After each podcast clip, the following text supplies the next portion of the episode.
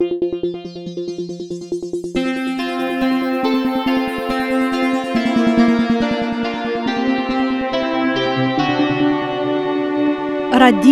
Esperanto. Parolas Kaliningrado. Saluton. Hodiu la decocan de decembro dimanche el la Kaliningrado studio de Radio Esperanto vin kore salutas Aleksandr Korzenkov kaj Halina Gorecka. Vi auscultas nian quaran ciaran son programon, kiu estas jam la quardeca lauvice. Lasta foie ni parolis vin antau dec semainoi, kiam ni estis forirontai al Caucaso, kai pro nia prescu dudec taga restado en sanatorio, ni estis devigitai eldoni jarfine nur unu duoblan, novembran, decembran caieron de la ondo de Esperanto. Citiu Caiero, kies en havon baldu presentos Halina, estas anku la plei lasta papera ondo. Post gia dissendo, ni havis etan feston en Kauno, de kie gidum kelkai lasta jaroi esti dissendata, kai citiu festo ne estis simila al funebra mangio, char la ondo de Esperanto, kies el donadon ni comencis anto dude quin jaroi, ne cesos. Nia gazeto plu aperos, nur ne papere, sed elektronike, cae la januara caiero baldo aperos lau la normoi Podofo cae Epubo. Morgo ni comenzus redacti gin, cae citiun januaran caieron, kiel noviar festen donatson, ciu desiranto povos el shutti legi cae decidi pritio, ciu la ondo de Esperanto meritas abonon en la nova formo. Post unu minuto, Halina racontos al vi pri nie oktobre restado Jesintuki, Poste vi audos Esperanto novajoin, conatigios kun le enhavo de la plei lasta papera ondo, exceos kiu ĉijare igis la esperantisto de la jaro, ca la programon finos nova kanzono en Esperanto. Bonan aŭskultadon!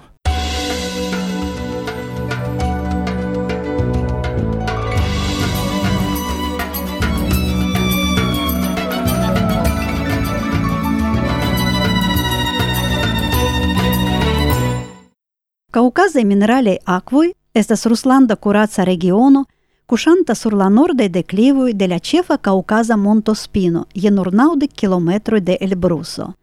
Pli ol cent fontoj de minerala akvo kaj unika kuraca ŝlimo de la lago Tambukan kreis ĝian famon. Jesintoki estas populara ban urbo situanta en la valo de la rivero Podkumak. Ланумо есентуки devenas de la dek kvar jarcenta ĥano Jesentug, kies ruina maŭzoleo troviĝas apud la nuna urbo. Ĝi aperis kiel kozaka vilaĝo Jesentugskaja. En 1810 scencisto Friedrich Josip Haas, senlaca evoluganto de banurboj, dum sia vojaĝo trafis marĉozan valon de podkumak. Ĉe la rojo Kisluŝa Lia akompananto attentigis lin pri akvofonto, kiun kozakoj inter si nomas cevalia. Ili jam delonge rimarcis, che lacei cevalioi volonte trinkas aquon el tiuci fonto. fonto. Entute, circa la alcala monto oni trovis dudec tri fontoin, cae numeris ilien en la unua jaroj minerale fontoi apartenis al la kozaka vilaĝa komunumo. La loĝantoj kaj la unua vizitantoj sin banis en kuvoj elfositaj apud la fontoj. Pli poste oni uzis barelojn por banado. Precipe famiĝis la fontoj numero dek sep kaj numero kvar. La vera evoluo komenciĝis en 1846, kiam la mineral akvaj fontoj ekapartenis al la ŝtato.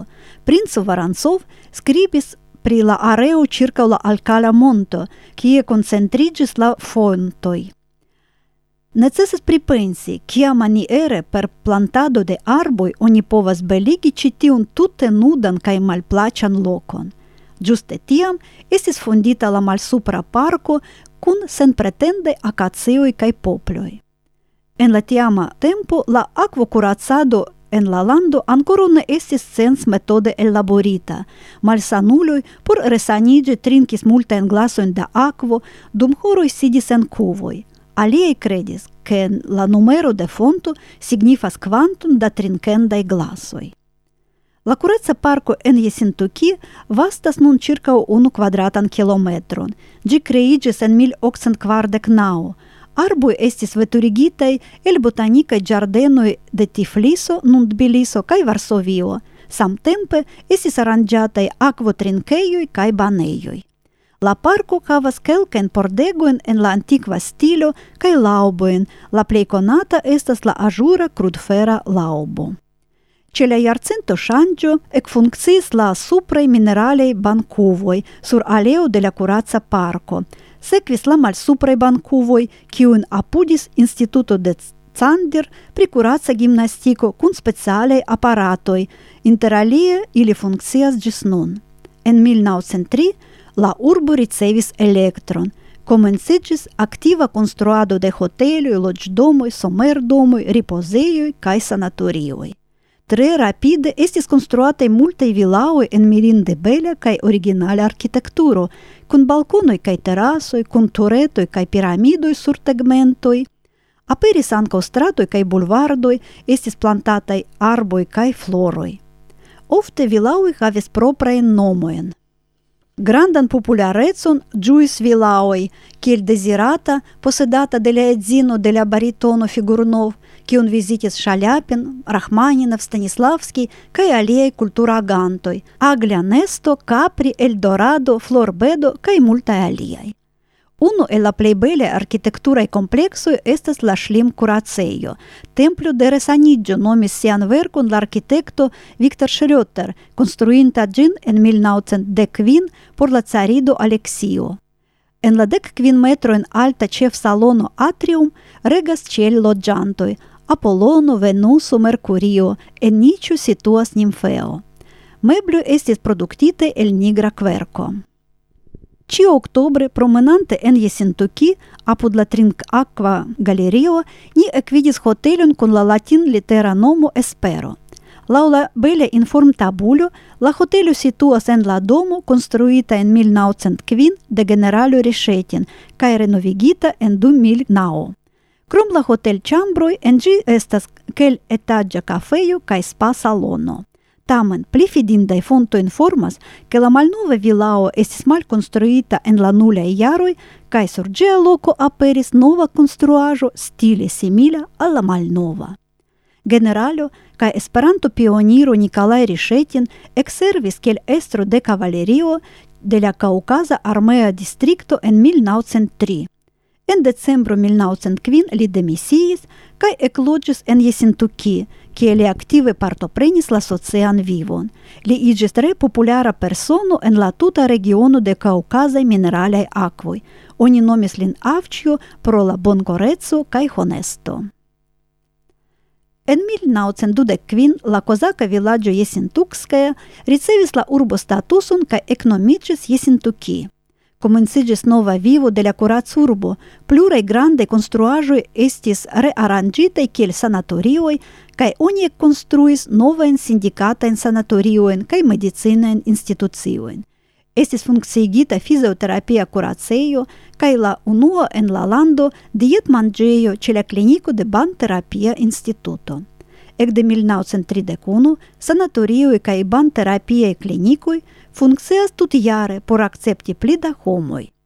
Danke al la malavara ŝtata financado en 1940 Jesintuki estis jam komforta urbo kun bonegaj sanatorioj, stratoj, parkoj, skvaroj, medicinaj institucioj. Pliboniĝis loĝkondiĉoj de la ripozantoj kaj ilia priservo.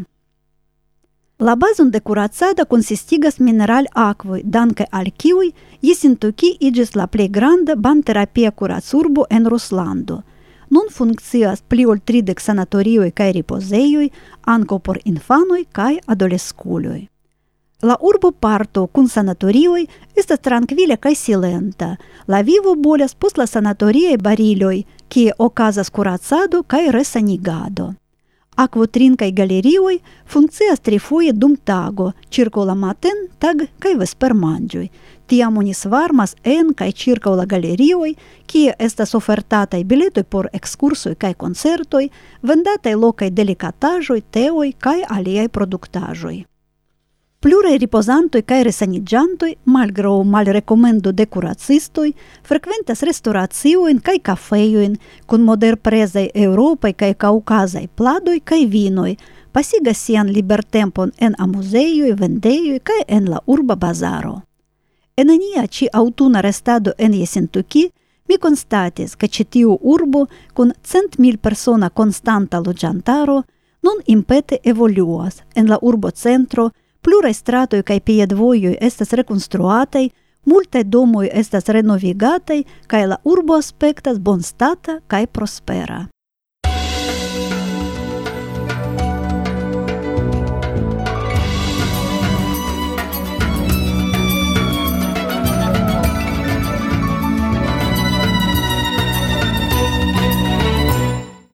Esperanto novaĵoj. En oktobro la populara lingvo retejo Duolingo publikigis sian duan Esperanto-kurson.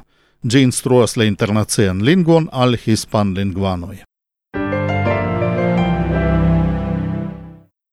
Cadre de la civitana budgeto 2017, la loĝantoj de Bjalostoko elektis dudek naŭ projektojn, kiuj estos realigataj venontjare. Uno el ili estas bronza sculptaĵo de la juna Zamenhof curanta de la ĉefa urboplaco al sia domo. La dudekan de novembro en la ruslanda ĉefurbo okazis la dek unua Moskva lingva festivalo en la centro de pedagogia majstreco. En tuta la festivalo liveris al la interesiĝantoj cent tridek kvardek minutajn aranĝojn, Unu tagon antau la Moskva festivalo, la decnaon de novembro, sabate, en la Siberia urbo Novosibirsko okazis la unua lingua festivalo, kai unu semainon poste la 27 de novembro okazis la kvina lingua festivalo en la malnova rusa urbo Veliki Novgorod en la Ruslanda Universitato de Cooperado. La dexesa de novembro du mil dexes estas historia dato. Je ĉi tiu dato kvarcent dudek naŭ homoj subtenis per pli ol dudek ses mil eŭroj la kampanjon por Amikumu. Amikumu estas aplikaĵo kiu helpas trovi kaj kontakti proksimajn esperantistojn. Esperantisto el dudek landoj partoprenis la okan azian kongreson de Esperanto, kiu de la 3 ĝis la 6 de novembro successo okazis en la pitoreska cina urbo Chuanzhou kun la temo Esperanto por la azia kunlaboro en interreta epoko. Paralele kun ĉi kongreso okazis la kvina ilei seminario en Orienta Azio kaj la deka jarkunveno de la komercista asocio IKEF Ĉinio. Universala Esperanto Asocio aĉetis loĝejon kun dormo dormoĉambroj por volontuloj laborantaj en Roterdamo. Gi situas en la sama strato kiel la centro officeio je proximume dec minutoj piedire. Ĉi aŭtune estis premitai du elstaraj hungare esperantistinoi La dexesan de octobro Tino Renčler, la urbestro de Allen kaj Andreas Emmerich, prezidanto de la Fondajo Fame, transdonis la dekvinan Fame premion al doctorino Katalin Kovac, si ricevis la premion pro sia engagigio por la planlingvo Esperanto kaj la fondo kaj flegado de la interret portalo edukado.net, kiel tekstas en la premi dokumento. La premio estas dotita per 3.000 euroi. Kaj en la dude quara internacia Esperanto semajno de kulturo kaj turismo okazinta oktobro en Cambris, Katalunio, la prestigian premion Ada Figuera Sikorska kaj okazan medalon ricevis Zsofia Korod el la Esperanto urbo Herzberg am Harz. Lau decido de la estraro de UA, la cendudek universala kongreso en Seulo tractos la temon turismo kaj evoluo, vojoj al Dauripovo. La nuna redaktoro de la revuo Esperanto, Atila Kasaš, kiu ekredaktis ĝin ĉiprintempe, Baldo fino sian laboron en ĉi tiu posteno. Tiel UA nun invitas kandidatojn por transpreni la redaktadon de la revuo. Sesdeco de visitantoi la dudec sesen de novembro alvenis por la quarde quina malferma tago en la centro officeio de UA en Rotterdamo. Bonvenigo donis la nova generale directora de UA, Veronica Por. Sekvis la tradicia presenta de nove eldonajoi aperintai en la libro servo de UA fara de gia multiara prisonriganto Jonel Onec. Alla programo contribuis anco la presidanto de ILEI Mirei Grosjean, interreta activulo Chuck Smith, volontulo de teio Pierre Vitet cae Judith Mayer. Anco la lasta cifoie novajo venas de UA. Givenis antu hiero cae gi textas che per granda plimulto el la nau mil quinde quar spremitae vocioi poste senditei alla centra officeio in Rotterdamo, la membroi de UA esprimis sian aprobon priaro de shangioi proponitai en gie statuto. Ni estes felicei che tivi proponoi de nia comitato ricevis la benon de niei membroi, reagis doctora Mark Fetes, la presidente de UA, cae daurigis. Ili inclusivis plurajn necesajn in por modernigi la asocion cae faciligi la demokratian partoprenon de niai membroi.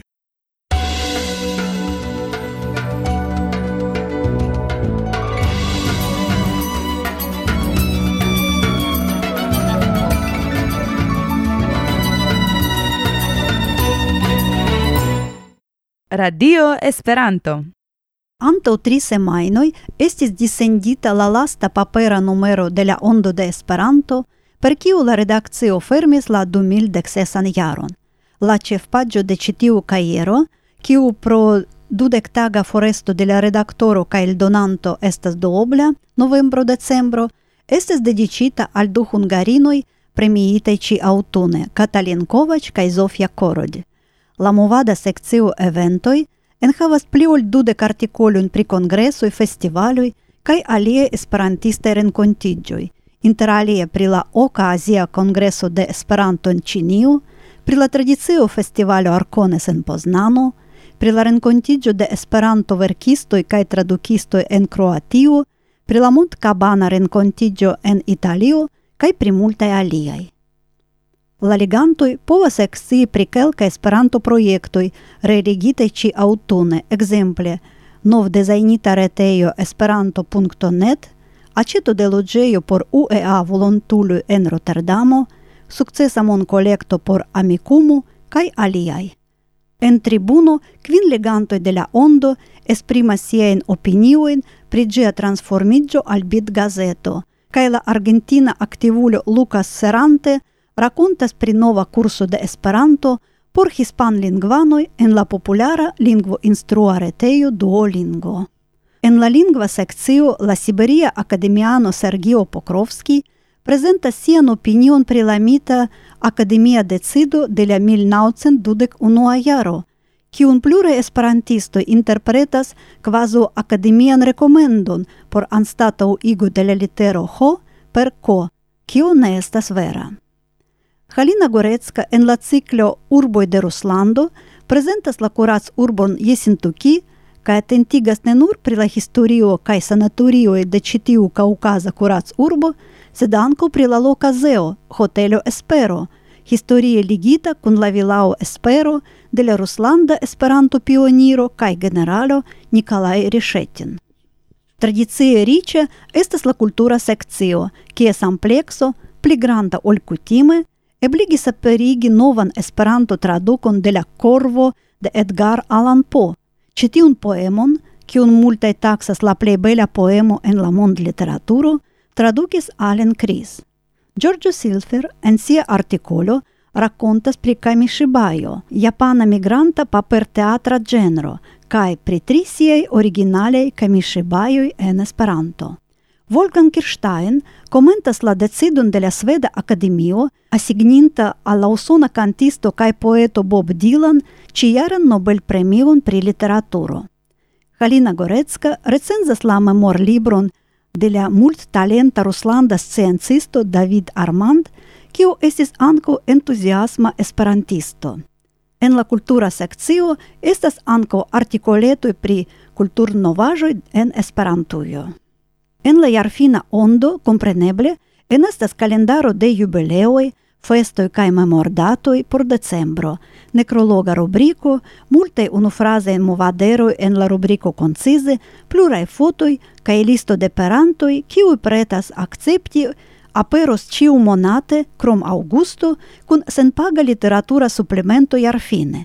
Ge estes abonebla contra dek kvin euroi por la tuta iaro ĉe perantoi, UEA конто кај Перла Интернација интернация мон пага систему PayPal.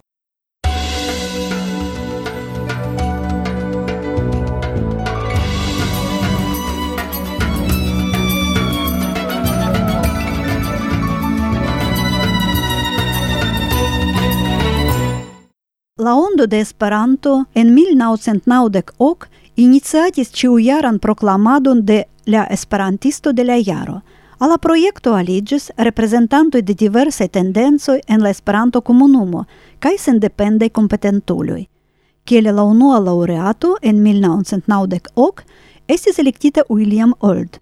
Poste laureatiĝis pluraj personoj kaj en la pasinta jaro Chuck Smith. En citiu iaro estis proponitai dudec kvar kandidatoj kaj per dufoja voĉdonado estis decidite ke Stefan McGill – sesdek okjara novzelanda esperantisto, loĝanta en Hungario, ex-prezidanto de ILEI kaj nuntempa vic-prezidanto de UEA, estas proklamita la esperantisto de la jaro 2016 pro la lanĉo kaj realigo de la programo de UEA pri aktivula maturigo amo, speciale pro la planado kaj okazigo de pluraj amo seminarioj en diversaj landoj – kai pro informado pri ili kai pri aliei movadai aktivadoj. Ni gratulas la laureaton.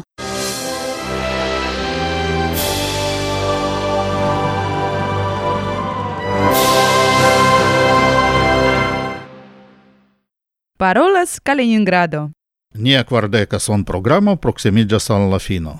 Hodiu ni finas konatiĝi kun la nova dekdu zona albumo Bosniumas de Espo Despo.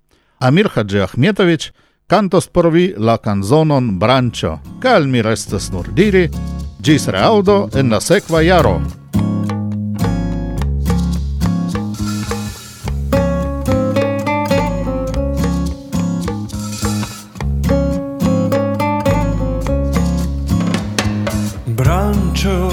Pino Alisce maro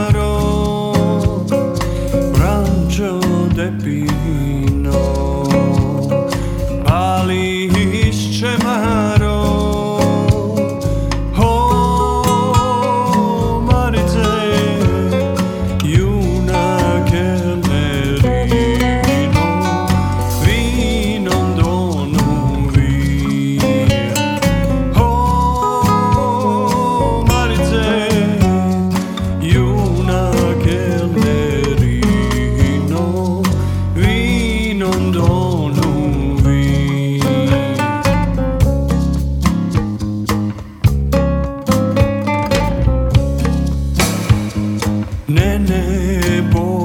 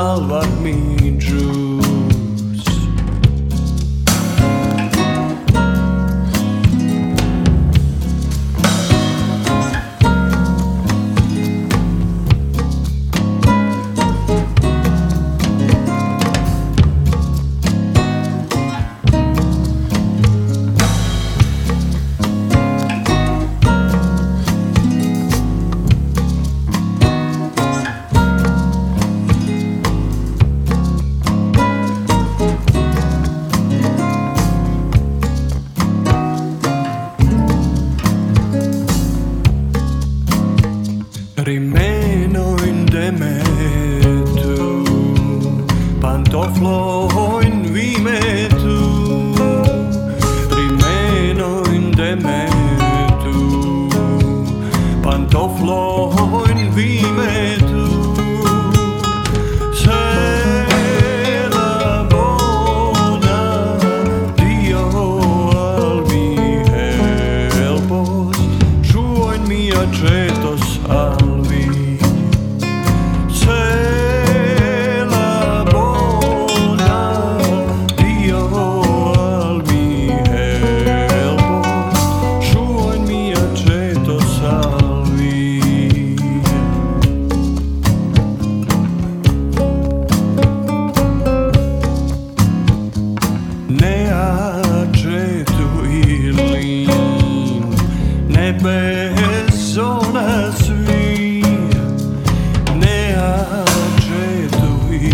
green.